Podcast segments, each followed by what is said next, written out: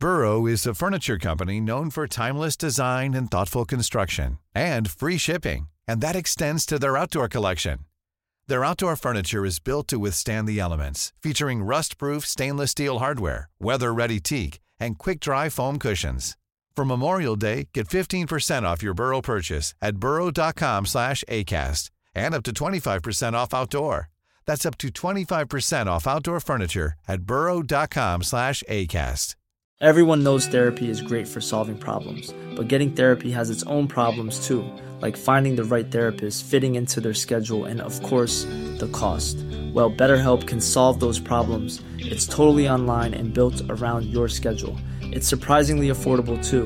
Connect with a credentialed therapist by phone, video, or online chat, all from the comfort of your home. Visit betterhelp.com to learn more and save 10% on your first month. That's BetterHelp, H E L P.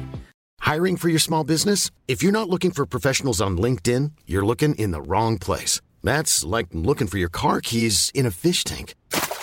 LinkedIn helps you hire professionals you can't find anywhere else, even those who aren't actively searching for a new job but might be open to the perfect role. In a given month, over 70% of LinkedIn users don't even visit other leading job sites. So start looking in the right place. With LinkedIn, you can hire professionals like a professional. Post your free job on linkedin.com slash people today. 031 Fotboll presenteras i samarbete med Möbelmästarna. Just nu får du 10% rabatt på ett helt köp när du uppger koden GP10. Möbelmästarna, vi är vad vi heter. Vad är det? Nej, bara, jag känner hur du har- Jävla blicken där. tänkte, den blicken kunde fan döda. Jag tänkte vad har jag nu gjort?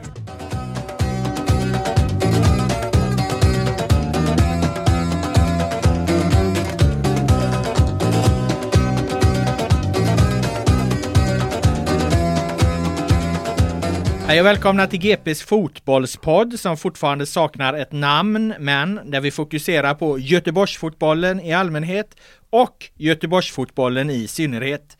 Vi som gör det är jag, Robert Laul, Linus Pettersson och Filip Troler. Alla på plats i studion idag också.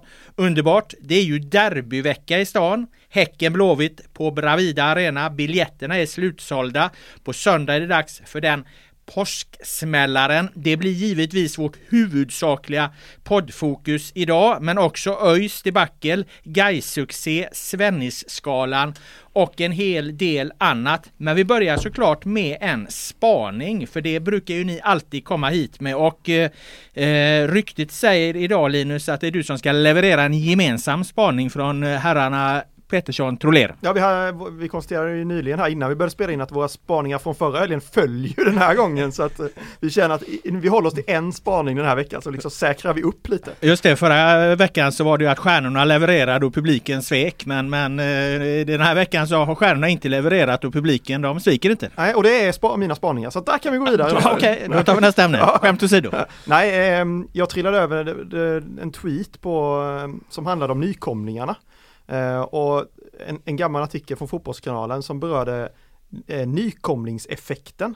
Och då hade de räknat ut att eh, nykomlingarna i Allsvenskan brukar alltid börja extremt bra. Eh, ta poäng de första omgångarna och sen liksom efter omgång 5, 6 eller någonting så börjar de dala. Eh, de hade statistiskt bevisat det här. Och då eh, slogs jag av att det här året är precis tvärtom. Alltså GIF Sundsvall står på noll poäng efter två omgångar. Helsingborg står på noll poäng. Och IFK Värnamo har plockat en ynka pinne mot, eh, mot Sirius senast. Eh, så att ingen nykomlingseffekt i år. Det är min spaning från den här eh, helgen. Ja, det har du ta mig fan rätt i nu när du säger det. För att eh, det, är ju förluster eh, ra- rakt igenom där i princip. Förutom den här kryssmatchen då, då för Värnamo mot Sirius där. Eh, Filip Troler, man brukar ju säga så här att det är dåligt att möta en nykomling i början. För då är de ju som bäst. Så att det här Linus refererar till har ju blivit liksom något slags liksom faktum som man förhåller sig till. Att, att, att det är jobbigt att ha de här nykomlingarna i början. Men det gäller ju inte längre då. Nej det verkar ju inte så. Det, de har väl inte heller Alltså Sundsvall har ju inte alls eh, sett särskilt eh, vassa ut. De var ju helt utspelade mot Hammarby och Värnamo och kryssar i och för sig. Det är väl de då som har liksom tagit sin poäng. Helsingborg kan man väl argumentera för att Blåvitt och, och Hammarby är rätt eh, tuffa motstånd att öppna mot. Men nej, känslan är kanske att eh, det vi har varit inne på lite eh, tidigare att det skiljer sig mer mellan, mellan lagen och topplagen framför allt då. Så det blir kanske svårare och svårare här. Man minns ju, jag minns bara när Landskrona Boys i början på 2000-talet, gick upp och som nykomling sopade till Helsingborg med 6-2 i, i första, sen dansade upp i serietopp lång, ganska långt in på säsongen och Sirius gjorde väl också någon sån för några år sedan när de kom upp och bara chockade, men det känns som en svunnen tid. Ja, du, du berör ju det där att det här kanske ändå är något slags exempel då på, på uh, skiktningen inom svensk fotboll, att det blir, det blir avstånden blir större och större. Uh, det är den ena tanken som jag spontant får utifrån vad du säger Filip, den andra utifrån vad du sa där Linus, det är ju att det är skickligt spelat av IFK Göteborgs klubbdirektör Håkan Mild här att, att liksom rigga lottningen så att Blåvitt började med två nykomlingar när ingen tänkte på detta. Nej det får man ju säga. ja, ska man kommentera det?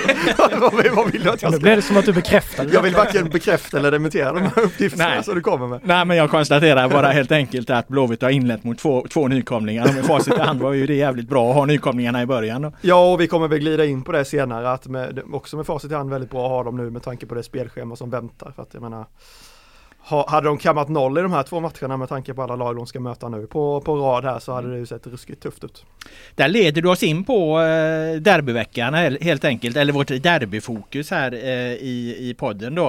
Eh, för att det är ju så som jag nämnde inledningsvis att det är, är BK Häcken mot IFK Göteborg på Bravida på söndag på påskdagen och ni har ju precis kommit tillbaka till redaktionen här med varsitt välfyllt påskägg skulle vi kunna säga eftersom ni har varit ute på respektive lags träning. Om vi börjar med hemmalaget BK Häcken Linus, vad hände på träningen idag? Ja, vi kan väl börja med det allra hetaste och det är ju att eh, klubbdirektör Marcus Jodin bekräftar att andra generationen kommer uppträda inför derbyt Igen, eh, alltså. med Vi älskar BK Häcken-låten som vi så mycket har hyllat i den här eh, podden. Ja, här får du nog ge en bakgrund eh, till eventuellt nytillkomna eh, lyssnare. Vad fan handlar det här om? Nej men vi, eh, för några podds, poddar sen så diskuterade vi ju inmarschlåtar och då eh, Häcken har ju en låt, ja den heter väl eh, Vi älskar BK Häcken eller vad heter den? Ja, eh, av andra generationen och den hade ju du Robert aldrig hört innan eh, och var lite så småskeptisk i podden men sen kväll, under kvällen som följde så, så började du lyssna på den här låten och blev frälst, frälst är ju en underdrift eh, snarare.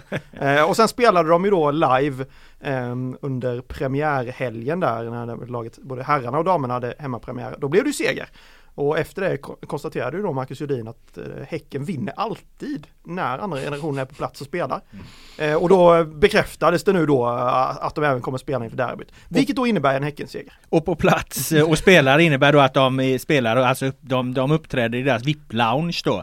Ja, eh, dit på, på du Bravida. på något av dit någon jag är då, har fått tillgång. Ja, dit jag då efter, efter att jag hyllade den här låten är nu är den enda journalist som har tillträde till Häckens VIP-lounge. Jag vet inte hur jävla stolt man ska vara över det, men, men jag är den enda journalist, svenska jag säga. journalist, enda journalisten i världen som har tillträde till Häckens VIP-lounge när andra generationen spelar. Så jag kan dokumentera eh, detta då. Lite eh, avundsjuk på det är du Filip. Absolut, mycket avundsjuk till och med. Ja, du, du var väl där och filmade deras uppträde till och med och, och, och publicerade i sociala medier och jag tyckte det gunga lite i liksom filmen så jag såg lite hur du jobbar med, ett, så- jag vet inte vad, vad det är för takt men eh, någon Ja men det var ju lite Ja samba-version lite de körde samba-version, det Ja. kändes som att Laul gungade fram där liksom. Så eh, dock har vi inte sett någon dans än som du lovade att du skulle Ja, ja. visa när de gjorde mål. Jo då, jag, jag var uppe och dansade fyra gånger när, ja. när Häcken besegrade AIK. Det kan Linus Pettersson bekräfta för han 100%. satt bredvid.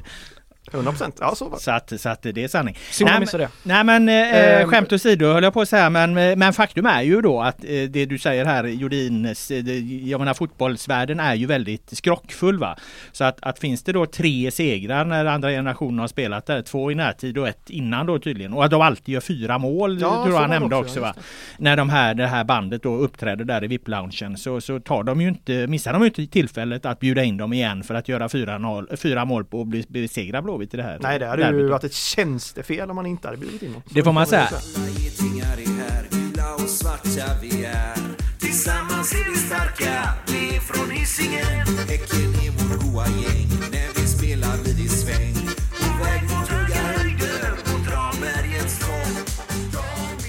Händer det något eh, av värde på träningen höll jag på att säga? Ah, nej jag fokuserar ju mest på det så att eh, nej, nej skämt åsido. Eh, de har ju haft lite sjukdomsbekymmer. Det har ju varit extremt mycket sjukdomsfall i Häcken de senaste veckorna. Det började då inför premiären där Erik Friberg och Franklin Tebo och Thomas Tottland var borta och sen var Alexander Jeremejeff och Leo Bengtsson borta senast och det har varit ledare sjuka. Ja det har varit extremt stor problematik. Nu är egentligen alla tillbaka eh, så att det var mycket glädjebesked inför derbyt. Det var bara Tobias Karlsson tror jag idag nu som är sjuk. Så att eh, Häcken mönstrar ju, i alla fall som det ser ut nu, med några dagar kvar till, till derbyt, eh, bästa möjliga trupp egentligen. Eh, och, och mm, tränaren på Mattias Högmo sa att det är ett extremt bra tryck på träningarna, så han var väldigt nöjd. Eh, han poängterade också att eh, det kommer bli vattnas ordentligt på söndag. Ska gå fort. Eh, det ska gå fort. Ska vara jobbigt för Gustav Svensson att jaga på mitten där. Exakt, så det var han, log han glatt åt. Jag försökte få honom att säga att det skulle vattas mer än vad det brukar göra. Det vill han inte, så långt vill han inte sträcka sig. Ehm, Nej men det mest det, de hade två provspelare på plats från ASEC, den här Elfenbenskustakademin som även Blåvitt hade mm, tidigare.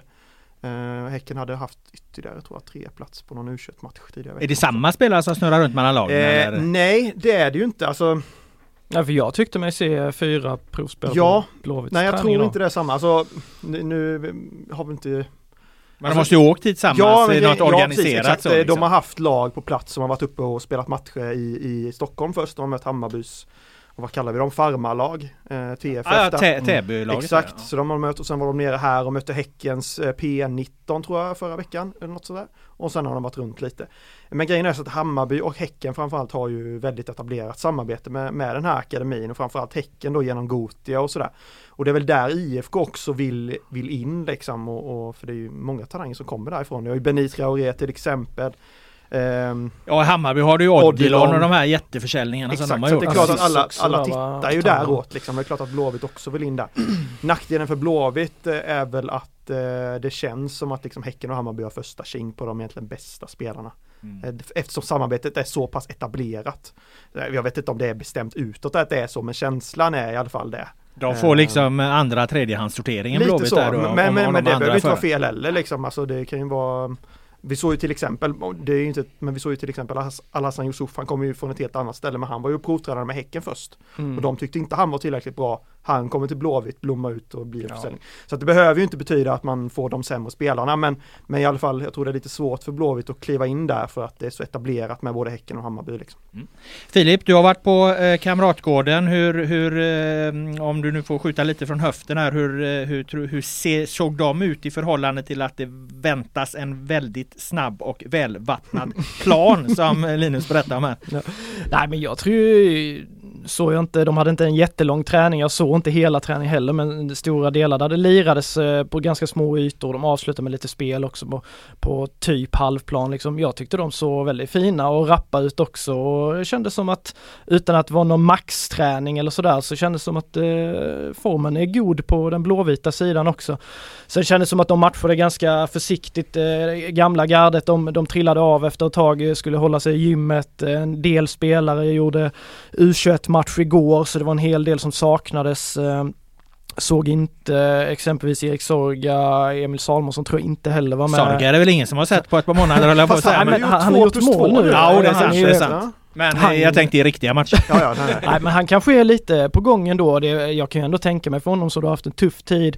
Eh, någonstans inkörsporten till A-laget och att börja prestera där är ju 21 matcher och gör han det bra där så är det väl ändå eh, lite hoppfullt för både Blåvitt och honom att han kanske ändå är lite på gång i alla fall. Kevin Jakob eh, tror jag också eh, var tillbaka. Han var, eh, deltog inte i träning, stod lite vid sidan eh, när jag var där i alla fall. Men han spelade också match igår om jag inte har eh, helt för mig. Och, och det är ju spelare, han har ju saknats här Eh, någon match. Eh, så det är väl också positivt. Så det verkar som att det är fortsatt bra på skadefront och sådär i IFK annars Annars var det ju de här eh, provspelarna då, eh, fyra från eh, Mimosa och eh, de är tydligen bara 16 år gamla hörde jag där uppe. ja, jag tror att Häcken har någon, några på plats som är ännu yngre. Ja, Eh, och, och med det i beaktning så tycker jag att eh, de såg alltså väldigt eh, intressanta ut de här. Om, om det är, är andrahands eh, sorteringen så är det en jävligt bra andrahands eh. Kände jag, alltså såklart att det, man såg att det inte var färdiga seniorspelare men det var mycket fin, fin teknik, bra acceleration. Eh, de stannade kvar lite efter och körde, Tobias Sana var där och, och lekte lite med dem och, och eh, nej, spännande. Finns det någon smärtgräns där tycker ni? Hur eh, unga spelare kan man plocka från, från Afrika till exempel då? Eh, Här 16-åringar, ganska unga killar ändå. Ja, du får väl inte plocka dem förrän de är 18? Nej, nej, egentligen får du inte göra det Nej. liksom och du får framförallt får du liksom inte tjäna pengar på det Nej. från agenter och Så sådana här handlar det väl mer om att som sagt etablera samarbete och Ja. lite se vad som, alltså ha koll på de spelarna som kommer upp. Eh, Men alltså det, Häcken hade som sagt två mittbackar på plats idag. de ser, alltså det är bra kvalitet Ja, alltså. ja. Och de är, alla säger ju att, det, att de spelarna som kommer från den akademin är extremt välskolade. Mm. Så att det är ju, och det är ju inte konstigt att klubbar blickar däråt liksom. Det är ju, Nej. Nej men det känns ju bara positivt det här och samma för, för deras perspektiv också, för att komma hit liksom att det inte blir, skulle de en dag då värvas hit så blir det kanske inte den backen. man ska, de har varit här och känt på det och fått vara i den miljön och det är säkert en jättenyttig erfarenhet just när du ska in i, i liksom ett nytt system, en ny klubb, nytt land, ny kultur liksom allting så känns som att det bara finns att vinna på här för, för både spelare och klubb liksom. Mm. Och eh, tolkade jag det andra du sa rätt där eh, så var det precis som i, i Häcken då att det är två eh, fulltaliga trupper. Det är ordinarie startelvor som kommer braka samman mot varandra här på, eh, på söndag. Så förstod jag det som, ja han är Micke Stare, han skyndar iväg rätt så snabbt där. Eh, han pratar om lite saker men inte det här definitiva truppläget, tänker man ta det lite närmare match men i och med att det var en hel del som saknades men det var ju bara så här försiktighetsåtgärd, inga liksom, ingen rapport om några nya skador eller sådär efter Helsingborg. Mm. Jag eh, håller på med, eller ska i alla fall börja med ett ganska kul knäck eh, inför den här matchen, eller till på söndag då. Eh, ska ställa upp spelare mot spelare eh, i en eh, eh duell där man då ser vilken startelva som är bäst. Alltså man tänker sig Peter Abrahamsson mot eh, Warner Hahn då, målvakt mot målvakt. Vem vinner den duellen? Och så vidare och så vidare så får man ju fram en siffra då. Blir det 6-5 till Blåvitt eller blir det 7-4 till Häcken? Eller vad blir det liksom? För det blir ju 11 eh, eh, dueller då. Eh, om ni får skjuta från höften här, vad tror ni? Vem, vad kommer jag, vi jag har inte gjort det här än så jag vet faktiskt inte själv, men vad tror ni jag kommer komma fram till? Vad kommer vi komma fram till? Vilka har den bästa startelvan? Eh, Jag har ju tippat IFK Göteborg högre än vad jag har tippat VK Häcken och det har jag i mångt och mycket gjort för att de har Marcus Berg, de har spets och de har en jävligt bra elva tycker jag. Jag tycker nog de har lite bättre elva även om Häcken har sett väldigt fina ut hittills. Men du tänker liksom 6-5 till Ja, det, jag, jag, jag förväntar mig en tight match men jag vet inte vad, vad du sitter på Robert. Nej, jag är inte klar än, som sagt. 9-2 Jag- jag- i huvudet på något håll. Nej, Jag ja, vet ja, inte. jag använder det som lite en del i tankeprocessen här va? och det, Ja. det, det är intressanta inspel där. Vad säger du Linus? eh, nej men jag tror nog faktiskt också att startelvan är nog fördel Blåvitt ändå. Lite, jag tror alltså. faktiskt det. Ehm, sen tycker jag nog ändå truppmässigt att Häcken har en bättre och bredare trupp. Mm. Eh, Men i det här fallet så tror jag nog faktiskt att du kommer väga över på Blåvitt och det ska bli intressant för de spelar ju två olika formationer. Mm. Så jag blir lite nyfiken på hur du ska liksom väga Häckens tre innermittfältare mot Blåvitts två. Man får ju pussla lite Ja, där liksom. Blir det Gustav Bergen Ja. och Willemsson som ska då ställas mot varandra? Om du, ja, Mm. ja, du har ett pussel att lösa. Jag tror snarare att det blir Willemsson och, eh, och spets, vem som nu blir spets då i Häcken. Ja, det blir Jeremejeff. Blir det Jeremejeff eller blir det Sadik liksom som gjorde två mål så det blir de som går mot varandra. Sen får jag väl ta Marcus Berg då eftersom han ofta droppar i sin anfallsroll så blir det ju han mot, mot Häckens han mot Rygaard exempelvis då mot, mot Häckens tia liksom och så tar man kanterna mot varandra och så tar man de två sittande mittfältarna mot varandra. Så får jag, får jag göra Ja, eftersom de har ja. lite o, olika formationer. Om det nu inte blir så att IFK Göteborg, det vet vi ju inte. De, eh, för Stara har ju pratat om att det finns liksom en startelva för gräs och det finns en för plast och, och den för plast är ju mer åt 4-3-3 så det är inte helt omöjligt att IFK Göteborg eh, eh, skulle kunna spela 4-3-3 heller. Särskilt som Williamson har ju inte gjort så jävla mycket hittills. Ja, nu vet inte jag det. Vad, vad, vad tror ni om det? Kan han ändra 11 Stare i, inför den här matchen eller håller han fast vid det som varit? Alltså formation tänker jag. Ja, jag känner nog spontant att har man börjat serien med att vinna två matcher, ha sex poäng av sex möjliga eh, och han får man får ju ändå säga, i alla fall vad jag har sett, så har det ju varit mycket 4-4-2 under försäsongen. Det har inte varit så mycket det här 4-3-3 som det kanske snackades lite om. Eh, spontant tror jag att han håller fast vid det. De har hittat, det har kuggat i fint där nu. Det, aj, jag tror att han håller fast vid 4-4-2. Mm. Vi ska titta lite närmare på derbylagens form inför den här matchen eh, och det ska vi göra genom vår alldeles egna betygsskala då utifrån eh, senast spelade match, våran så kallade eh, Svennis-skala där vi plockar ut tre spelare enligt kriterierna bra, mycket bra och mycket, mycket bra. Den så kallade Svenneskalan då som sagt och eh, jag har då fått eh, äran att bedöma Häcken eh, som ju var i Örebro och mötte eh, Degerfors som inte kunde spela på sin hemmaplan utan de fick spela på Bern Arena på plasten där och de eh, vann med eh, 2-1 och jag skulle säga att i den matchen så var det framförallt mittfältet som vinner den åt Häcken för de har mängder av chanser framåt. Borde definitivt gjort fler mål men missade väldigt mycket chanser därför blir det svårt att ge för höga betyg åt eh, anfallsspelarna eh, utan det var som sagt mittfältet här då. Och den här gången så tycker jag att Gustav Berggren, han var bra. Mikael Rygaard som får lite revansch här, han var mycket bra. Och sen går det då förstås inte att bortse från matchvinnaren Ibrahim Sadiq, tvåmålsskytten. Han är mycket, mycket bra. Han brände visserligen då en hel del chanser, men jag noterade hans första touch, framförallt hans nedtagningar, otroligt mjuka och fina eh, fötter. Så att det här framstår ju allt mer som, som ett fynd. Och eh, noterbart var också hur tränaren då, Per-Mattias Högmos, första kommentar till Häckens hemsida. Eh, den, den lyder så här. Det var mycket härligt att se laget idag. Vi spelade ut Degerfors hela matchen. Vi var duktiga i pressspelet och vann tillbaka bollar. Att Högmo säger det i en match där Jeremejeff, Alexander Jeremejeff inte spelade, det tycker jag är intressant eftersom vi vet att Högmo vill ha snabba spelare som klarar att göra det här eh, pressspelet då. Och det tror jag IFK Göteborgs backlinje kommer att få känna på eh, på Bravida i derbyt. De kommer sättas under press, stenhård press av eh, Häckens anfallare helt enkelt. Så att eh, utifrån Häckens perspektiv så var det här en mycket, mycket lyckad match. Vad eh, säger ni om analysen? Jag håller med om analysen. Jag såg också den här matchen. Jag är förvånad över att du kan ge Rygaard så högt betyg. Jag trodde inte han kunde, jag trodde inte han kunde få höga betyg. Rygaards revansch! precis.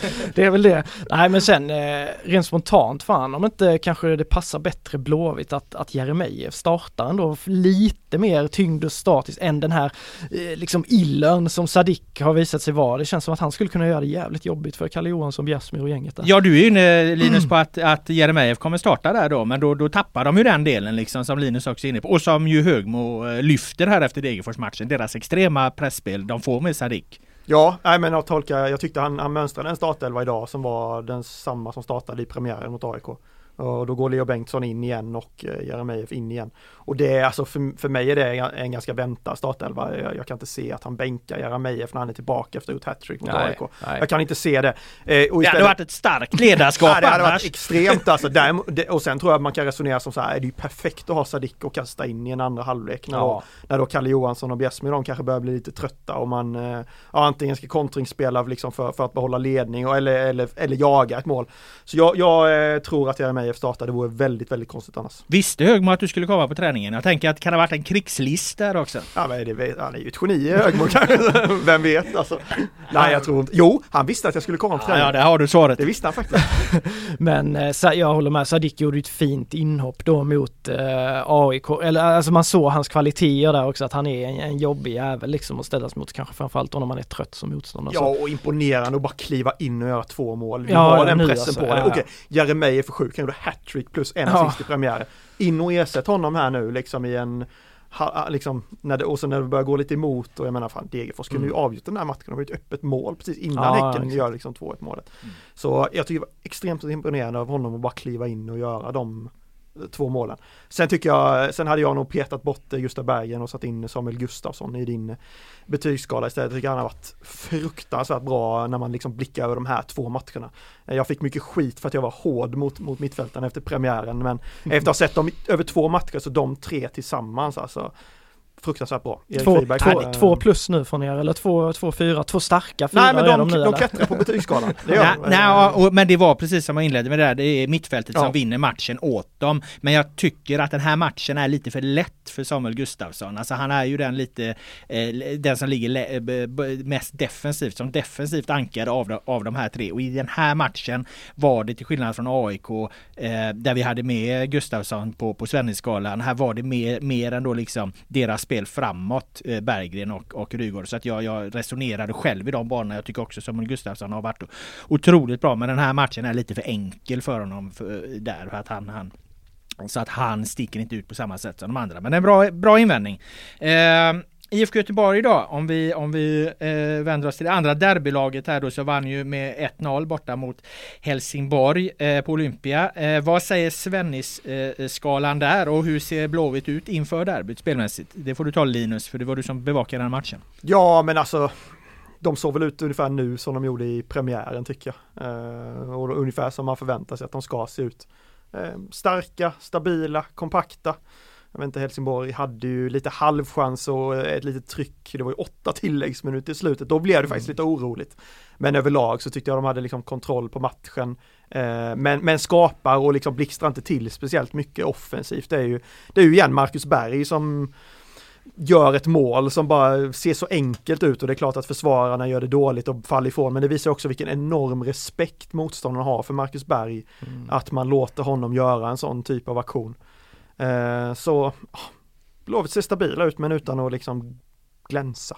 Jag ska komma med lite inspel där men jag tänkte vi kan vänta och det får du också göra Ja, Filip. Jag kan vänta, jaha, vänta, vi- till, vänta till Svennisskalan är levererad. Så. Ja, ja, okej. ja, ja. Ska jag börja med den? Ja, ja, vem var bra? Eh, bra var Gustav Svensson. Eh, vi hade ju med honom extremt mycket högt upp förra, förra efter premiären och jag tycker det är intressant att se nu på riktigt. Vi tyckte han var, eller framförallt jag tyckte han var extremt svag under när han kom tillbaka förra hösten.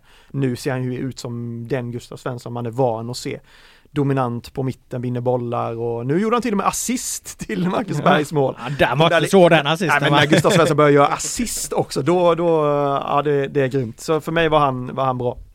Och vem var mycket bra? Eh, Kalle Johansson. Eh, jag tyckte han var, han var, han var okej i premiären också, men lite så här kantig kändes han då. Det var lite, styrdes lite bollar på alla möjliga kroppsdelar och det var nära något självmål någon gång. Nu tyckte han var stabil matchen igenom, hemma i Helsingborg igen på, på gammal bekant mark. Tyckte han gjorde en kanonmatch. Eh, så han förtjänar verkligen att lyftas fram. Och eh, jag är beredd att ta gift här utan att jag vet det på vem du kommer av som mycket, mycket bra. Men låt höra. Det går ju inte, och vem ska man ta liksom? Alltså Marcus Berg är ju, han bär ju det här laget. Och jag tycker liksom Jag frågade Jörgen Lennartsson, eh, Helsingborgs tränare efter matchen så här, vad, vad, vad, vad tycker du om Marcus Berg och liksom, hur förbereder man sig på, på att möta sådana spelare? Le- Jörgen bara suckar, alltså allt är ju redan sagt så. Är inte allt redan sagt om Marcus Berg? Och lite så är det ju. Men samtidigt går det inte att komma fr- ifrån att han är så fruktansvärt bra. Han har liksom varit inblandad i alla IFK Göteborgs mål hittills. Och är bara fantastiskt bra. Vad tror ni IFK Göteborgs fans eh, och IFK Göteborgs ledning kände där i första halvlek mot Helsingborg när han går ner på knä och eh, be, behöver läkarhjälp och man har ingen, man har inte riktigt fattat att det är armen som är problemet. Nej, alltså jag, jag var inne på Twitter precis strax efter och såg bara att Pontus Wernbloom hade twittrat nej, nej, nej. Jag, jag, jag kan inte svära på att det var kopplat till Marcus Bergs situation, men det var ändå ganska synonymt för den. För att hade han gått sönder, nu var det bara en nerv i armbågen som liksom smärtade, men hade han gått sönder med tanke på också hur svag Willemsson är, vi har pratat om Sorga. Alltså han, han är så, så, så viktig för det här laget alltså. Eh, inspel på eh, Svennisskalan där från dig Filip, har du något? Jag Vill har du ett döma ut Linus på Ja, något du, sätt? den här gången så ska jag klappa honom rejält på axeln. Jag har tagit ut exakt samma trea, jag hade tagit i exakt den ordningen. Så det är bara, eh, han, har, han har bättrat sig där då kan vi konstatera. Men, eh, Han blev så nöjd så han själv applåderade. Ja, Nej det var inte spontant jag, det var du och sen, eh, nej men bara flika in, jag, det jag tycker Blåvitt gjorde mycket bättre i den här matchen var att de var mycket mer kompakta. Vi gav ju dem lite skit där för att det var öppna spel där emellanåt mot Värnamo. Den här matchen tycker jag under 90 minuter HF har ju, de har ju inte någon rik, alltså riktigt, riktigt farlig målchans vad jag kan komma ihåg. Jag tyckte det synkade mycket bättre och återigen, Kalle Johansson växte, han tog fram, han tog bort allt liksom som, som kom in i straffområdet även när det var forcering och sådär. Och, och målet Marcus Berg, det är, det är den respekten Ali Suljic, han, han faller av liksom för de väntar på, nu kommer Marcus Bergs genidrag här, nu kommer passningen liksom. Så kan han istället promenera och så göra målet. Så, nej men det är superanalys av Linus. Oj, Ja men då får jag såga den då. Eh, det har jag inga problem med. Nej men jag, jag, jag, jag hade nog försökt på de tre få in målvakten faktiskt, Warner Hahn. Eh, för jag, min bestämda uppfattning om målvaktsspel, eh, det, det handlar inte så jävla mycket om spektakulära räddningar utan det är när man liksom uppnår den där, den där känslan att det aldrig blir några så här missförstånd eller att det aldrig blir några så här konstigheter på, på, på inlägg eller på, på fasta situationer. Utan det känns som att allt det där flyter och fungerar jävligt bra. Det, det var ju trots allt en, en, en, en ansenlig mängd bollar in mot eh, eh straffområdet och jag, jag, jag upplevde inte att det blev otryggt, osäkert en enda gång. Och, och när den känslan infinner sig så vill jag hävda att då handlar det väldigt mycket om hur målvakten agerar. Det är liksom han som antingen kan sprida osäkerheten eller skapa tryggheten. Det utgår liksom från målvaktens agerande. Så att jag utan att vara har egentligen, för jag tror inte han gör det, han gör inga, inga kvalificerade räddningar, han behöver inte göra det, så blev jag faktiskt väldigt imponerad av, av honom utifrån det perspektivet. Ja, och framförallt tyckte jag vi, vi alltså jag berömde Vanne Hahn redan efter premiären och då tyckte jag framförallt det var hans spel med fötter, vilket som han har pratat om själv är hans stora styrka, som imponerade och, och till och med liksom tyckte jag då såg ut att vara, kunna bli ett anfallsvapen. Han hade någon extrem boll till Willemsson i djupet den matchen. Och precis som du är inne på, jag tycker han över, över båda de här matcherna har varit extremt stabil, bra i luftrummet, det har inte varit några konstigheter liksom.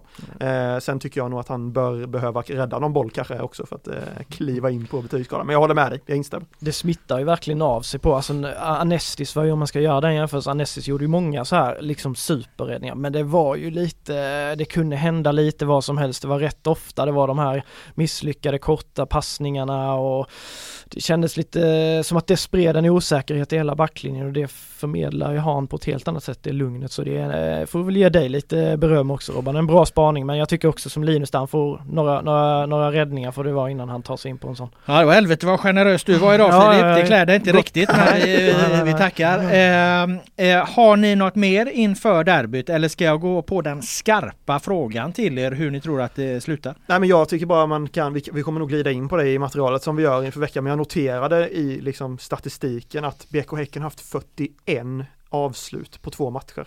41 avslut. Det är en helt sanslös statistik. 41 för er som ja, inte förstår. Precis, bra att du upprepar. uh, ja, det är på eh, de två första matcherna ja. alltså. Ja, det, då kan jag ju hjälpa folk som har problem med räkningen då att det är ungefär 20 avslut per match. Ja, och det är de bäst i serien med. Uh, och bara för att liksom jämföra, IFK Göteborg har haft 15. Men var 30 Totalt. av dem avsluten mot Degerfors eller?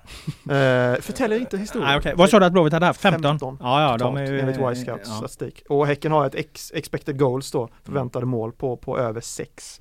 Och de har ju gjort eh, ja. sex mål också. Det är, Men det är, intressant. det är en helt otrolig mm. offensiv som de har visat upp. Vi har pratat om ÖIS superoffensiv mer gånger än vad vi borde i den här podden kanske. jag på säga. Eh, men eh, de här siffrorna och det Häcken har visat upp i de här två första matcherna är, är eh, faktiskt imponerande. Och det ska bli intressant att se hur IFK Göteborg tacklar det på, som jag varit inne på, en bra vattnad konstgräsplan på, på Hisingen. Nu har, de, nu har de fått spela två matcher på gräs, passar Gustav Svensson till exempel mm. alldeles utmärkt. Nu ska de ställas mot liksom det här fartfyllda och, och offensiva Häcken på en, på en konstgräsplan. Det, det ska bli väldigt spännande att se hur de hanterar det. Mm. Men innan man eh, började med XG och så som är ett intressant mått då alltså hur många förväntade mål. Då pratar man ju om, om, om det här utifrån hur många avslut och, och du kommer till att man behöver ungefär liksom tre målchanser för att göra ett mål. Nu är alla de här avsluten du refererar till är väl inte direkta målchanser. Nej, nej, nej. Annars skulle man kunna säga att de då ska göra 13 mål om de liksom har 40 chanser och det har de ju inte gjort. Ja, men, men, men, det här är, är Jag har inte närstuderat avslutet men jag bara liksom studsar på den siffran som är ja. extrem eh, faktiskt. Mm. Eh, utifrån detta då, vad, hur går det? Vilka vinner? Hur slutar derbyt?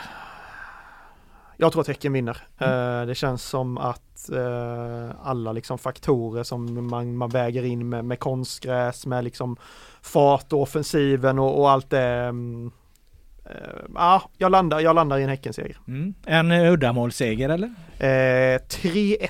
3-1, bra, fick vi ett tips. Eh, Filip? Kryss är alltid väldigt tråkigt och det känns som att det lyfter mer om någon av dem vinner men jag tror ändå att eh, Blåvitt känns så pass välmående nu att de lyckas buffla till sig. De kommer ha stort eh, publikstöd också. Bravida är utsålt med fem, fem, dagar till match. Det är ju också, får man ju säga, även om en liten arena så är det jävligt kul att det är liksom puls i stan och Blåvitt-supportrarna var många nere i, i Helsingborg och sådär och de, de, kommer ju ha ett övertag på läktaren. Och med det och plus att de är kompakta och Marcus Berg är hel så tror jag de fiskar till sig en eh, pinne. Jag är beredd att skriva under på det Filip. Jag tror att det blir 2-2. Det brukar jag tippa när det är, är derby. Jag tycker upp, eh, jag kommer från liksom i Stockholm där det var derby mest hela tiden eftersom där uppe är det ju tre lag till skillnad från två då. Eh, och de slutade ta mig fan 2-2 hela tiden. Så jag säger att sluta 2-2 här också. Det är ett bra derbytips. Ja, alltså det var ju något ett tag när alla derbyn slutade kryss. Ja. Vi var ju, alltså, om vi kollar Häcken Blåvitt då, det var ju någon sån riktig Ja, ÖIS också sån ja. helt sjuk under några år liksom. Det var bara kryss liksom. Ja. Sen har ju Blåvitt haft det svårt på Bravida ja. också. Jag tror de har en seger. Vi kollade väl det ja, nyss, var en, en seger på, sex, på de sex senaste. Ja. Så att, ja, nej, och med tanke på då det vi började alltihopa med att andra generationen ska uppträda inför så liksom väger det över tycker jag för en Häckenseger.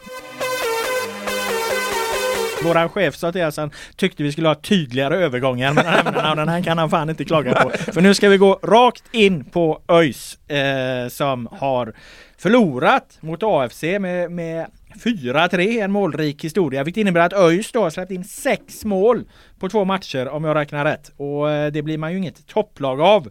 Eh, Filip Troler, vi ska redovisa Svennisskalan strax, men vad fan är egentligen problemet med försvarsspelet? Nej det, det är som du säger, vi snackar ju lite om det Robban, att de, de bästa lagen och de som hamnar i topp, de gör det oftast att man har ett solitt försvarsspel snarare än att man har ett sprudlande anfallsspel. Sen vet vi nu med Dan Ivarsson att det är inte ÖIS melodi och det får väl någonstans hedra dem. Men försvarsspelet framförallt första 25 minuterna, de kunde legat under med 5-0 kändes det som. Eh, och ja, egentligen hela matchen eller ja, fram till en bit in i andra halvlek. Det är total katastrof. Det är alltså man ska inte ta i för mycket men jag, jag gör faktiskt det. det gjorde du precis kan jag meddela. Man, man, man måste göra det och eh, problemet som jag ser det är väl att i den här matchen i alla fall så lämnades trebackslinjen alldeles för ensam. Det blir enorma hål bakom deras wingbacks med, med Bärkroth och Hampus Dahlqvist som är väldigt skickliga offensivt men de hamnar inte riktigt rätt i, i det defensiva arbetet och den här trebackslinjen där Marcus Haglin Sangré som i fjol var centralt ankare i den, han nu spelar till vänster. Det känns inte som att det synkar. Arvid Brorsson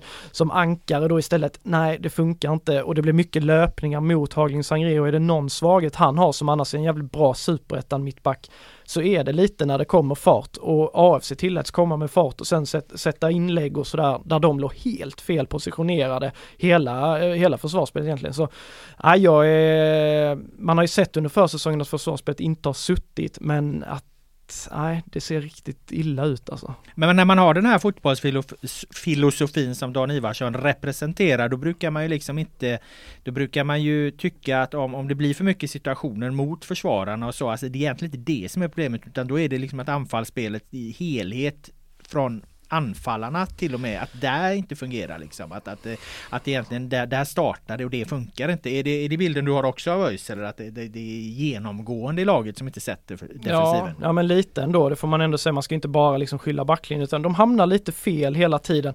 Och sen AFC kör ju väldigt som Dane var inne på inför matchen. Han trodde att det skulle bli en svängig match. Det blir en svängig match. De kör mycket man-man och är väldigt så offensiva i sitt försvarsspel. Och, eh, men det känns som att det inte riktigt, nej det kuggar inte riktigt i och och eh, det blev alldeles för stora hål på för många ställen och AFC var ja, hade de lite mer skärpa så hade liksom matchen varit helt över. Sen blir det ju en uh, riktigt dramatisk uh, upplösning på det tack vare den mäktiga offensiven där. Så då finns det hopp om att få ihop en Svenneskala här ändå med bra, mycket ja, ja. bra och mycket, mycket bra. Eh, annars vet jag inte, han gick att vända på den med, med, Eventuellt då med att det var mycket, mycket dåligt istället. Men det har ju Svennis, Svennis aldrig sagt. Så att, eh, vi får hålla fast vid det här. Det var någon öjsa som skrev till mig på Twitter om jag skickar en röding så skiter vi och tar upp den här matchen överhuvudtaget. Det var halvleken där. Så, ja det tog du emot eller? nej nej nej så jobbar vi inte, så jobbar vi inte. Men så lyfter så de måste du förankra ja. vet du. Ja nej men. ja, vi, jag tänker vad vi hade kunnat göra för Ja, ja vi har cashat in här. Ja, ja och bara, bara glömt det ja, liksom. Ja. Nej det är väl tråkigt. Vi måste ha med dem i, i, i både med och motgång. Vem var bra då? Eh, Eh, jag tycker att eh, Daniel Paulsson var bra. Eh, han är fortfarande ineffektiv, han spelar ju som någon form av falsk nia och det finns mycket som saknas i det. Men jag tycker när ÖIS eh, hamnar i underläge, när ÖIS eh, hänger mot repen och känns liksom slut, så tycker jag ändå att det är han som faktiskt vilket passar bra i och med att han är kapten och det är någonstans hans skyldighet. Men i, i spelet så driver han på, han tar inkast snabbt, han visar vi är inte upp liksom. Han, eh, med mentaliteten där och jag tycker också att han har många lyckade aktioner, framförallt i andra halvlek där han kombinerar lite fint. Eh, det gör att han var bra ändå tycker jag. Mm. Och vem var mycket bra? Det får jag ge Alexander Ahl Holmström, en av eh, inhopparna. Han har ju spelat i AFC tidigare, eh, kom in och erbjöd precis det som ÖIS annars eh, saknar lite grann. Den här tydliga boxspelaren, inte liksom magnifik i, i spelet som så, men han var och röjde och stökade i straffområdet hela tiden och hänger ju också ett mål. Eh, viktigt för honom, viktigt för ÖIS att han liksom börjar varva igång och han ser väl ändå alltså, betydligt bättre ut i det här inhoppet än det han gjorde mot Halmstad.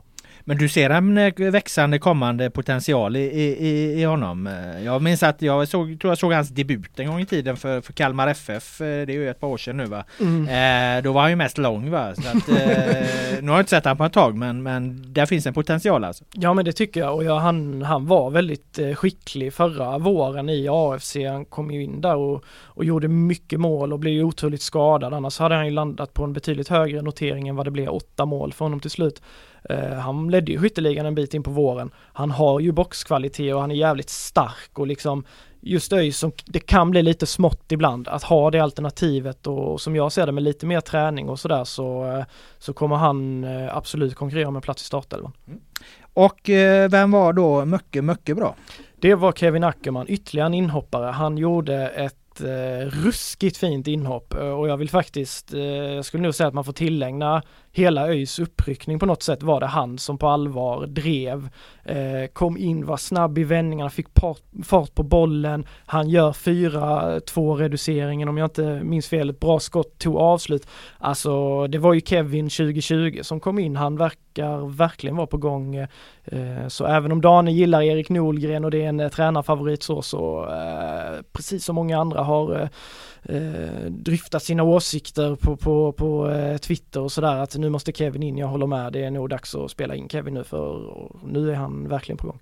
Det är ju fantastiskt om han eh, hittar tillbaka eh, till den liksom talangstatus han en gång hade liksom. För det, det var ju ett jättenamn en gång i tiden och sen så finns ju den eh, historien kring honom då som ju är rätt lång. Men, men det är ju häftigt om han är på gång Linus. Ja, han gjorde en mål i någon u match häromdagen tyckte Mm, jag, om jag ja. inte eh, s- såg fel i flödet. Och det sjuka tyckte jag, det var till och med som, jag tror kommentatorn sa det, för jag, jag hade ett halvt öga på den matchen. där.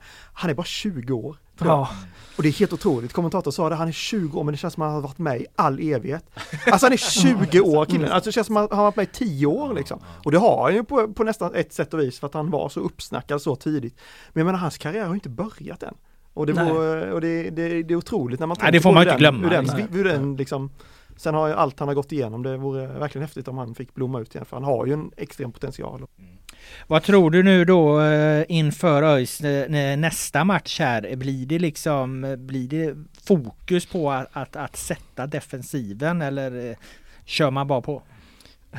Ja, de, de kör väl på men det är klart att de, de måste, det vore tjänstefel liksom att inte prata, prata mer och, och fila mer på det här för det kan liksom inte få se så ut och att man inte gör något åt det eller försöker göra något åt det. Sen vet man, det kanske bara handlar om och liksom detaljer, det är inte så att de ska riva upp himmel och jord för det här. Utan ÖIS ska ju fortsätta vara det ÖIS är men de måste vara mer noggranna och, och, och justera det där. Men eh, ja, hemmamatch mot Öster härnäst, troligtvis på gräs om de får spela på Gamla Ullevi nu. Det kommer bli en helt annan match än AFC så nej, ingen panik i rödblått. 031 Fotboll presenteras i samarbete med Möbelmästarna. Just nu får du 10% rabatt på ett helt köp när du uppger koden GP10. Möbelmästarna, vi är vad vi heter. Du ska få fortsätta hålla låda här Ja. Filip för att vi eh, eh, har ju eh, ett, eh, en guys succé att prata om också får man väl ändå kalla det när de nu stormar fram eh, i en av svensk fotbolls lägre divisioner. Två raka segrar. Vilka spelare ska hyllas och hur såg det ut?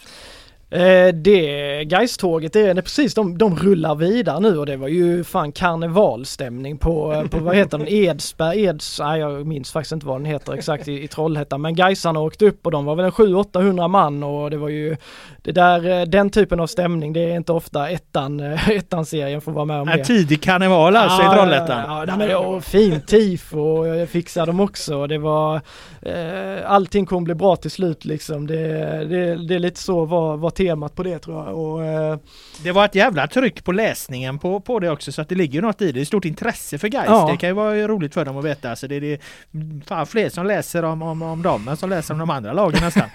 Ja men de har känts jäkla, eh, som de är heta nu. Det blir mycket läsning när det går bra för våra lag generellt men eh, det känns som att Gaisarna kanske suktar verkligen och jag har sett också folk som har skrivit på sociala medier så här, de har börjat liksom så här, men fan komma ner i ettan det är ju det bästa som har hänt oss ju liksom. Vad fan, vi ska ner här och det... Är inga halvtomma glas här inte. Här är de, de- fulla Ja men de hämtar kraft i det här och jag tycker det är alla skönt eh, hur de har anammat det liksom för det känns som att många klubbar, är du ner på ettanivå då börjar det dö av. Jag tycker det är en jävla styrkedemonstration och, och vara 700-800 man som åker upp och som liksom bombar liksom i, i sången så här på. Eh, så de ska väl faktiskt hyllas lite grann för den inramningen och, och Gais gjorde ingen märkvärdig match mot Trollhättan. Det var mycket gris och mycket kamp och, och sådär. Men de, de tar tre poäng och sex av sex möjliga. Det är ju, alla, det är ju kanonstart. Mm. Var fansen med på Svenneskalan där? Var det de som fick bra eller? Eh, eller det- mycket bra eller mycket mycket bra till och med? Ja de hade nog eh, tagit det högsta faktiskt för om man ska fjäska lite. Nej det ska man inte göra men de, de gjorde en väldigt bra insats. Men vi håller väl oss till spelare här på, på Svennisskalan. Låt höra. Eh, jag säger att Filip Gustavsson var bra. Eh, han, eh, det var många som var kritiska till honom. Jag var också lite så här i början på försäsongen, såg inte jättebra ut, hade väldigt svårt med bollbehandling. Kändes inte som att han hängde med i tempot och ah, jag tänkte där kommer Noah Jatta eh, liksom ta, ta en plats så småningom. Men han har varit Fiddes val och eh, matchen mot Trollhättan var hans bästa insats i Gais tycker jag utan, utan tvivel. Han städade och det kändes som att han var Uh, ja, den matchbilden passade honom väldigt väl där det var mycket kamp och sådär och ja, han lös verkligen. Han, uh, hade det inte varit två andra som var väldigt bra så, så hade han varit högre upp. Okej, och vem var mycket bra? Det var Harun Ibrahim. Eh, där, har vi, där har vi ett av Göteborgsfotbollens absolut mest intressanta råämnen. Alltså, han är 19 år. Vilka solorider han drar ut på, vilka vändningar han har, flink i fötterna och klok och alltså han känns så mogen trots att han är 19 och Eh, jag har sagt det många gånger tidigare, kan guys signa honom, han, han, har väl kontrakt över detta året också tror jag, men kan de signa honom på ett längre så, så kommer guys göra en stor fin försäljning där. Men han har, han har utgående under 2022 alltså? jag jag tror han har kontrakt över detta året och jag är lite osäker på det så jag kan inte svära på det men jag tror att det är utgående efter den här säsongen. Eh, det borde verkligen vara prio att försöka signa upp honom lite längre. Men han gjorde en kanonmatch, gick in och tog vänsterbackspositionen och det fina med honom är ju också att han kan, han kan spela typ var som helst. Han är så, eh, han kan spela åtta, sexa, ytterback, ytteranfallare liksom. Eh, nej, han är grym. Det låter som en djävulsk diamant. där. Ja, jo men det, är- nej, men det är det. Du får, eh, jag vet inte, du har ju också Jo men sett vi Harun snackade rätt upp mycket. honom lite, Ja. han var ju ganska uppsnackad eh, precis innan kvalmatcherna i fjol Ja. och då pratade vi ju med rätt många runt honom sådär och alla hyllade verkligen honom. Mm. Från tränare och spelare också liksom till vilken, vilken råtalang det här är. Och just det där är ju häftigt som du, som du är inne på att han kan spela egentligen precis vad som helst. Mm. De kan bara kasta in honom någonstans och han är liksom Han är grym. Eh, så att nej jag håller bara med. Jag har bara hört gott om honom eh, och det gäller att vårda och, och behålla honom. Ja det gäller ju att skriva det där kontraktet framförallt för att jag menar om, om eh, andra klubbchefer hör eh, Trolés hyllningar här va, så är han ju snart såld eh, och då blir det inte så mycket pengar om man inte har något kontrakt. Nej. Eh, och ändå fanns det då en i Gais som var ännu bättre eh, enligt Svenneskalan då, mycket, mycket bra. Ja det var det faktiskt och eh, jag, eh, det måste vara Emin Grostanic. Han dunkar in en frispark från 40 meter. Eh, riktig projektil. 40? Ja, ja men det är nog, vi snackar nog fan med 40 alltså. Kanske 35-40, någonstans där. Målvakten gör ett ganska svagt ingripande men det är ju en riktig hästspark, alltså bollen wobblar åt alla håll och kanter. Han, han, har ju varit i Gais och elitfotbollen i rätt många år nu. Fan jag visste inte att han kunde skjuta på det sättet men han, han bombar iväg en projektil mot eh, Oddevold också. Jag tänkte jävlar har han tränat frisparkar under vintern eller han, han sa ju nej jag har inte tränat någonting på det men jag skjuter mycket när vi kör tempospel och så. Jag tycker jag blir mer och mer sugen. Jag bara bombar, jag siktar inte överhuvudtaget, jag bara bombar liksom. Och det är ändå nice liksom. Så han har lite så Roberto Carlos eh, frispark där. Den, det var, det inte du som skulle hålla ner Ja, just det, eh, just det. jämförelserna Ja, lite här? Ja, Nu är vi inne på Carlos. ja, och- ja, nej, men- Ja, det här är, Nej, och, nej men och utöver, utöver den eh, fina frisparken så tycker jag också han gör en klanderfri insats defensivt i den här matchen där de utsätts för väldigt mycket dueller och sådär så håller han hela tiden ihop där han kommer in eh, är liksom lite smartare än motståndaren, lyckas hela tiden få motståndaren ur balans, vinner dueller, gör att guys kan återta initiativ och sådär. Eh, det har ju varit lite så här, ska han vara kvar, vill han vara kvar, mycket surr om honom under försäsongen, känns som att nu har det landat lite och han spelat ihop sig med Axel Norén där bak och eh, känns som att de har hittat en fin kemi och ja, han stod och ledde segersången framför fansen där på efter slutsignalen. Och, Sen så har vi ju ett Utsiktens BK som har haft sin eh, hemmapremiär och besegrat BP med eh, 3-2. Vi ska väl inte eh, veckla in oss för djupt i den matchen eh, Filip. Men har du en Svennis-skala i det där också eller vad vill du säga om den? Jajamensan, nu lyssnar vi på mig här igen. Helvete vad jag tuggar. Ja, ja, du har ju hållit låda här nu i en kvart snart. Ja, Linus får snart ta över, jag får sitta och viska till Linus. Jag kan ta över här. Lukas Hedlund. Vad är det jag har suttit och sagt i den här podden? Har du verkligen sagt något om honom? Va? Ja det har du. Ja, Jo tack. du hade att du tyckte han skulle vara i startelvan. Nej, att han kommer... Du satt ju och pratade om någon annan anfall som Ja, Albin jämta- Skoglund Som där, skulle ja. spela jämte Peters på Ja, topp. jag vet. Ja. Nu var inte Peter med här eh, Nej. så... eh, Ja, du menar att jag tar ner Lukas Hedlunds Mm, prestation? Nej men han gjorde, han, eh, han, han gjorde ju avtryck absolut. Men vill du ha skalan direkt? eller? Har du en skala i Ja. det så säger jag aldrig nej. Nej. Jag säger aldrig nej till en Svennis-skala. kan ju bara säga också att de laget. vann matchen och för den som inte har koll på det vann matchen och BP tre, ledde 3-0 efter en timme, tappade sen till 3-2 men höll undan. Sa jag inte det? Nej det gjorde du Ja, det försvann i farten kanske. skitsamma. Skitsamma.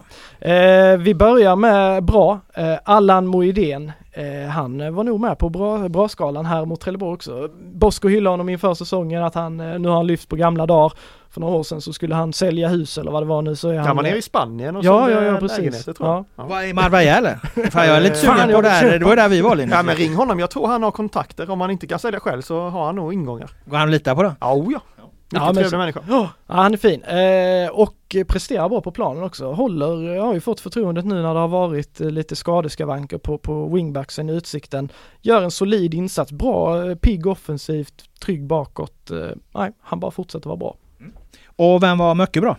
Det var Karl Bom. Eh, vi hypar väl honom i någon eh, av de här panelerna inför att han och Peter skulle göra, vad sa vi, 25 poäng tillsammans eller någonting. Ja, det var ju där jag kastade in Hedlund också. Ja, det, har du varit där? Där Ja, Hedlund har varit överallt. läsa noggrannare vad du skriver framöver. Liksom. Men det har ju varit lite så här, ja nu har han ju gått som wingback då Karl Bom, eh, som vänster wingback. Men eh, han börjar hitta mer och mer rätt i den rollen, kliver in, bryter in i plan, avlossar, gör mål, får sätta första baljan, känns på gång, mycket bra.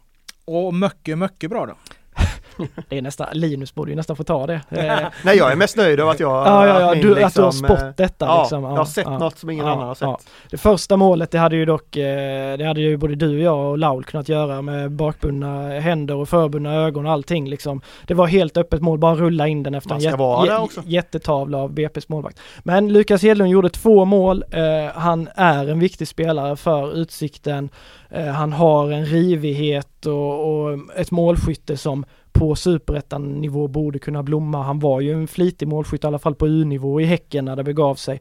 Eh, nu får han testa sina vingar på riktigt här i elitfotbollen och eh, en viktig insats för honom och en viktig insats för Utsikten. Mm.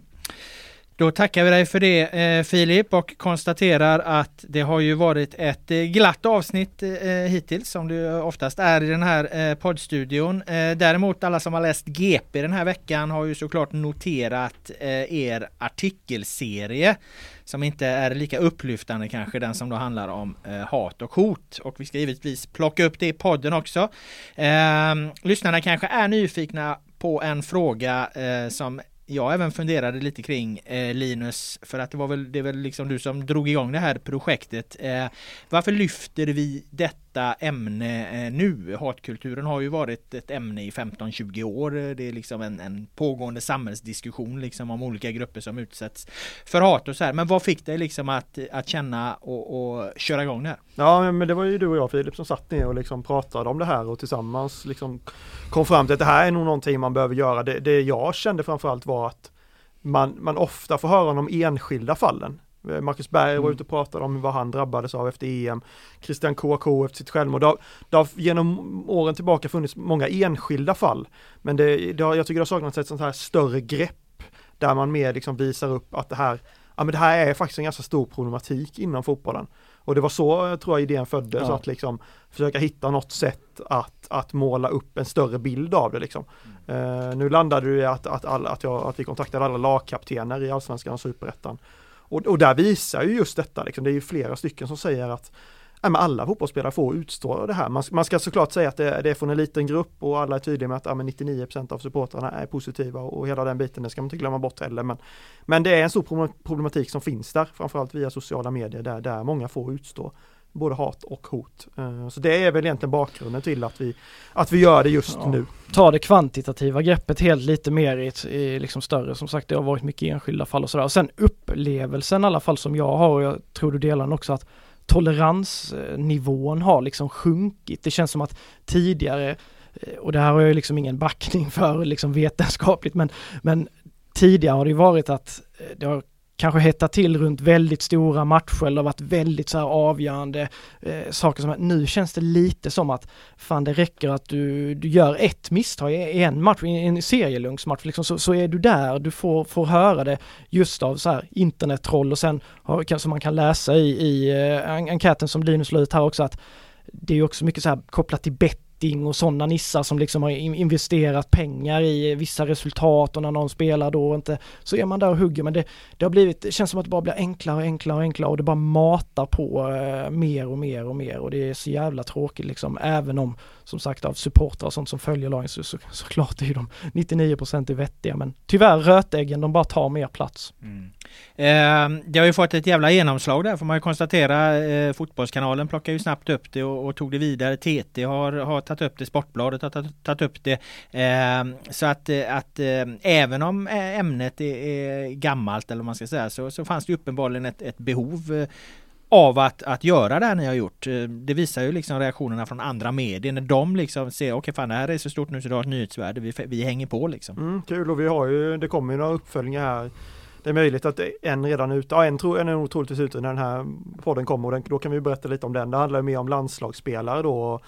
Där de kanske är på ett sätt ännu mer drabbade än, än vanliga allsvenska spelare. Jag tycker vi såg det efter den senaste landskampen, playoffet där mot Polen. All den skit, jag satt och följde där lite på, på sociala medier, all den skit som som Jesper Karlström och Marcus Danielsson fick för två misstag i den matchen. Det var helt, det var helt fruktansvärt att följa på sociala medier, deras konton, hur liksom hatet välde in.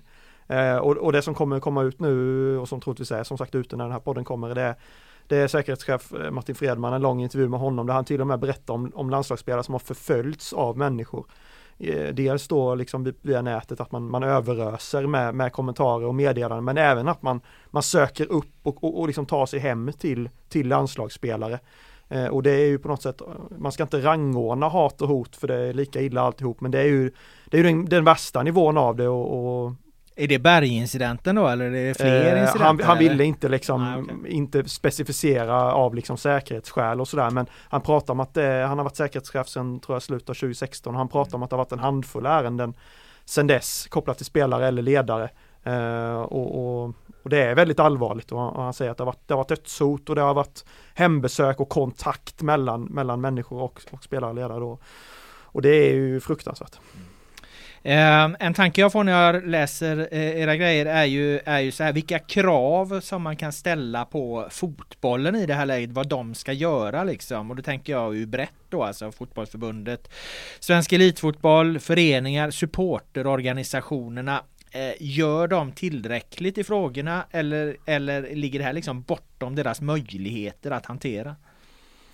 Eh, på ett, alltså på social, sociala medier vet jag inte om, om någon kan göra så mycket. Nej. Det är många pratar om liksom att man ska ha bank-id, en logg och, och någon typ av, typ av sån lösning. Alltså där, där tror jag inte klubbarna eller förbund kan egentligen göra någonting. Det ligger ju egentligen hos de här sociala mediejättarna på något sätt. Det de gör är ju att de liksom stänger ner eh, kommentarsfälten, liksom att de är snabba att agera. Det, det är ju förbundet bra på. Det tog två timmar, en, en till två timmar innan Karlströms. Det gick liksom inte se eller kommentera på hans Instagram längre. Och där har de en upparbetad rutin som jag tycker är väldigt bra där de, där de samlar in och liksom går igenom, här finns det något brottsligt här, okej då anmäler vi det. Det är väl egentligen vad de kan göra. Eh, det har ju varit en del liksom projekt och liksom, jag tror förbundet hade något förra året. Eh, det finns en sån här nej till näthat-kampanj. Internationellt Eh, har det gjorts en hel del också. Exakt, i England, har ju också England haft där. mycket problem och Men där känner jag lite att det där anses lite så här larvigt eh, även i de liksom sunda supportermiljöerna liksom när, det- när det kommer någon sån här liksom eh, grej ovanifrån så. Eh, hänger ni med vad jag menar? Ja men alltså, tycker, på något sätt har det, det är som många säger också, det har blivit en vardag liksom. Alltså det har blivit, eh, som fotbollsspelare ska du ta det här? Mm. Och det tycker jag nästan är det, det he- hemska i alltihop, Mm. att, att det har gått så långt att folk ja, men tycker att det här är inget konstigt liksom. Ja men vad fan, ni får betalt för det här liksom, ni ska, ni ska ut och tåla detta liksom, men det är ju människor som är där. Och jag vet att du tog upp det, jag tyckte din krönika var väldigt träffande och bra i det att och, och det som Tim eh, Sirius lagkapten Tim Österström säger där är ju att jag går inte till ICA och skriker åt kassören vilken jävla hora du är, jag ska döda dig. Men, men på, kring fotbollsspelare är det acceptabelt. Och det tycker jag det är nästan det värsta i alltihop, liksom att det har kommit, gått så långt. Ja, och det är sen att det är liksom under matcher, sånt som vi har diskuterat kring an, andra saker också, att ibland att det spiller över för folk där, det kan man någonstans, man, inte ursäkta vad som helst såklart, men man kan ändå ha en större acceptans för det. Men just det här att du söker upp, du bestämmer dig för att skriva de här grejerna och du ringer och du gör, alltså det är ju det är totalt eh, vansinne eh, och det, det, tar det en, gör det en nivå värre tycker jag. Eh, men sen i grund och botten, det här det är ju inte ett fotbollsproblem i grund och botten utan det är ju liksom, det är ju ett samhällsproblem. Mm. En grej som jag också tänkte på där, eh, det är ju att backar man bandet eh, 10-15 år eller någonstans där så fanns den här diskussionen men då handlade den väldigt mycket om damfotbollen. Då fick liksom damlandslaget och damfotbollsspelare fick en jävla massa skit liksom i, i, i sociala mediernas begynnelse så att säga. Eh, det, det, har ju däremot eh, försvunnit till, till, stor del. Idag är det liksom, idag tror jag att de får, får, de får säkert eh, sin beskärda del av skit också. Men, men det har ju verkligen minskat där. Så där har ju någon slags samhällsutveckling ändå gått i en positiv riktning. Att idag ifråga ifrågasätts ju inte damfotboll med hat och hot eh, eh, att de ska bedriva sin verksamhet. Så att eh, det är ju inte direkt jämförbart men det visar ju liksom att en sån här situation som man kanske känner det här går inte att ändra på. Jo men över tid så kan den ju faktiskt förändras också. Vad tänker ni om det? Jag köper och Jag menar bara att, att, att, det, att, ja, det, att det, det går att göra absolut. Att, ja, att, saker absolut. kan ändras. Och det, är väl liksom. lite... det tänder väl ändå en gnista av hopp ja. tycker jag ändå, även om det känns som att vi är väldigt djupt ner i det här problemet. Men Eh, där känns det som att det var mycket så här, det var sexistiska grejer och det var liksom raljans över fan kvinnor ska fan inte spela fotboll, alltså den mm. typen av Och det är ju borta ja, mycket menar jag liksom. Ja. Och det handlar väl om att damfotbollen har växt och att fler liksom ger den positiv uppmärksamhet och att det blir alltid svårare om själva kärnan är stark eller vad man ska säga. Och det känns som att eh, jag tycker ju ändå att man märker ju när spelare, säg Kouakou där liksom, när det kom ut vad, vad han hade blivit utsatt för, då tycker jag ändå att från supporterhåll att det var väldigt så här starka reaktioner mot det och de visar honom stöttning upp i Uppsala och sådär. Det känns ju ändå som att det gör saker där men det är väl de som är där uppe och, och sen då som sagt samhällsproblem. Eh, det behövs göras mer från de som är liksom de stora, eller vad man ska säga. Ehm, jag tog upp eh, eh, damperspektivet där lite för att eh, leda oss in på en annan händelse i fotbollsberg den här veckan. Om ni inte har något mer om hat och hot ni vill säga nu? Nej man får jättegärna höra av sig. Det kan vi väl lägga till att, med tips och mm. för men, som sagt vi, vi sitter med, med en del uppföljningar, en del är klara fler mm, kommer. Det känns som ett, ett extremt stort ämne och, och det slutar inte bara om vi håller oss i fotbollen vi spelar utan även domare ledare överlag. Mm. Så att alla tips eh, kring det här är välkommet. Mm. Eh, bra, då lämnar vi det som sagt och går över på en eh, annan stor händelse här. Det är ju att vi har ju ett landslag som har kvalificerat sig för fotbolls-VM.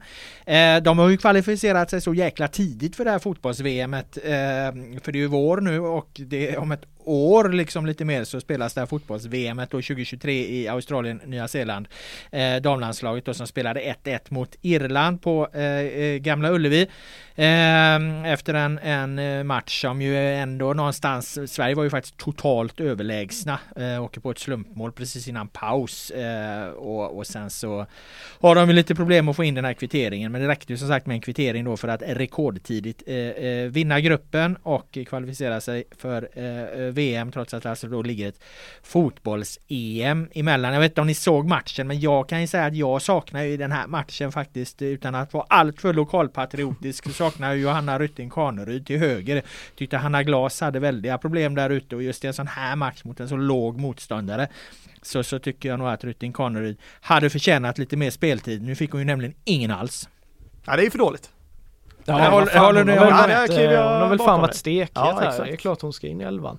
Jag såg inte matchen, det var eh, match 7 i SHL-slutspelet för Rögle BK. Då måste man ju, måste man ju följa den. Kolla på hockey istället ja, alltså. jag valde detta alltså. Men jag förstod det som att han testade någon ny formation där Gerhardsson. Hade det något med, med Rytting Kanerys, eh, för det var någon form av trebackslinje? Mm, de spelade ju 3, 4, 1 1-2 om vi ska vara väldigt nördiga. Ja, då nu kanske Alltså, det inte finns någon riktig plats för Ja, tänker oh, jag. det tycker jag. Du har en trebackslinje och sen har du liksom en, en, eh, fyra, fyra mittfältare då där Hanna Glas låg till, till höger, John Andersson till vänster. John Andersson var jättebra men Hanna Glas till höger där var, var, hade problem. Alltså det, och jag menar mot ett så här låg motståndare så var ju hon eh, Glas och även Jonna till vänster och de var ändå så pass offensiva så att, så att det är klart att det hade passat Rytting Kaneryd bra. Eh, det andra som var nytt, eller det som kanske egentligen ännu mer var nytt, det var nog hur de, hur de låg med, med Aslani som en tydlig tia och, och eh, Blackstenius och Lina Hurtig som centrala anfallare så att säga. En tvåmansduo med en, med en tia släpande. Det var alltså inte en tremannakedja där de kom ut på kanten utan de var ganska centrala. Det var ju en lite speciell match just med tanke på att Filippa Angeldal och eh, Fridolina Rolfö eh, som ju är normala startspelare, de har varit sjuka då så de var ju inte med. Så att Gerhardsson kunde kasta in dem i, i hans slutelva då som, som han kallade det. Sen liksom Erik Hamrén en gång slutade som förbundskapten så har ju Gerhardsson tagit över där slutelvan begreppet. Ni ska veta att Erik Hamrén, utan de var med på den tiden, han fick otroligt mycket skit när han pratade om slutelvan. Alla menar ju på att det var någon slags bortförklaringar då för att han inte kunde ta ut en vettig startelva när han pratade om sin jävla slutelva istället. Han var ju otroligt hånad för slutelvan. Gerhardsson eh, kom ju ganska lindrigt undan här ändå tycker jag. Igår är det bara att konstatera att det var ju slutelvan som fixade den här VM-biljetten. Ja, men jag kommer ihåg, jag bevakade ju Häcken mycket när, när Peter Gerhardsson var här och då, Mm. han körde ju slutelvan redan då och man undrar ju vad, vad håller du på att snacka om liksom. Men man förstår ju det mer och mer nu. Jag tycker det är även andra tränare tycker jag som har börjat snappa upp det där. Det har Ja, blivit, ja. Mm. det har nämnts lite fler gånger. eh, Med fem byten så blir det ju någonstans, Ja. du kan du i princip byta hela laget om Mm. du vill. Mm. Eller halva, eller inte hela, men du kan i princip byta halva laget. Ja, hur många spelare är det på planen var- Nej men du kan ju byta då halva hälften av utespelarna eh, vad jag försöker säga. Eh, så att då blir väl slutelvan lite mer relevant som begrepp. Men det är klart det är jävligt lätt att prata om när spelare har varit sjuka och, och, och, och då, då, är, då, då var det ju mer logiskt att ha dem i det här fallet på bänken till en början och sen kasta in dem. Och det är klart att Sverige blir väldigt mycket bättre när Filippa Angeldal och Fridolina Rolfö kommer in på en fotbollsplan. Men det borde funnits plats för Eh, Rytting Kaneryd. Sen tycker jag det borde funnits plats för Jennifer Falk också i målet där. Eh, jag vet inte, Lindahl står väl fortfarande kvar på samma punkt där sen det irländska skottet styrdes i mål där. Så att jag, jag tycker nog att, att Jennifer Falk eh, är, är ett intressant val mellan stolparna. Ja, Lindahl har ju varit petad i Atletico där ett tag nu också. Det är läge nu för Falken att få, få, få flyga. Ja det är det ta mig fan. Bra, kul med damerna där och kul med, med, med EM. Ska de spela matcherna i Stockholm förresten? Det har varit en liten diskussion här. Aslanis eh, fel. Det var ju inte vältajmat. Nej, alltså. och säga det dagen innan 12-13 000 Nej. göteborgare vallfärdar mot arenan så vill hon spela fler matcher i Stockholm och sen så fyllde de inte upp arenan heller. Vad var det? 12 123 på eh, Gamla Ullevi. Jag tror att de hade ju ändå kunnat ta in en 15, 14-15 på den här matchen. Ja, Tusen. man bör nog kanske växa i sin kostym först innan man vill växa ur den kanske. Jag tycker det är fint att, eh, att liksom Göteborg får vara damfotbollens huvudstad, att inte allt eh, liksom ligger i Stockholm. Jag tycker det. Sen kan man ha synpunkter på Gamla Ullevi som arena och, och allt sånt Mm. där liksom. Men nej, jag tycker det var, det var nog lite fel. Det var fel tajmat och det var nog fel.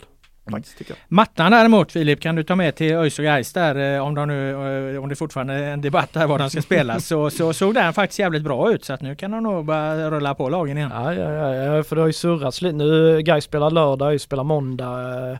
Det, jag såg bara någon eh, i ÖIS styrelse där som eh, twittrade någonting om att det är ett helvete att hålla på med arrangemang i, i den här staden. Liksom verkar ju på honom där som att ÖIS inte har fått helt grönt ljus utan att det ska göras någon slags planinspektion efter att Gais har spelat nu på lördag. Så om det håller för båda två eh, liksom så här. Ja, för sen eh, spelar Blåvitt på eh, onsdagen där, så det är så tätt, eh, intervall ja. men Men det var en jätteskillnad jämfört med Värnamo-matchen där Ja, det- du släppte hela tiden. Ja, jag, man tänkte, såg ju det. jag tänkte överhuvudtaget inte på det under landskampen här när, när, när tjejerna eh, trampade loss. Va? Nej men då, de har väl gjort ett gott jobb där men ja, fortsatt eh, jobbigt läge där för, för, för ÖIS.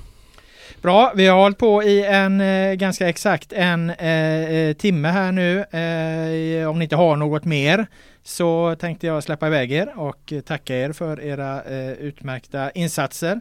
Eh, jag tackar er som har eh, lyssnat. Eh, podden utan namn är tillbaka nästa vecka.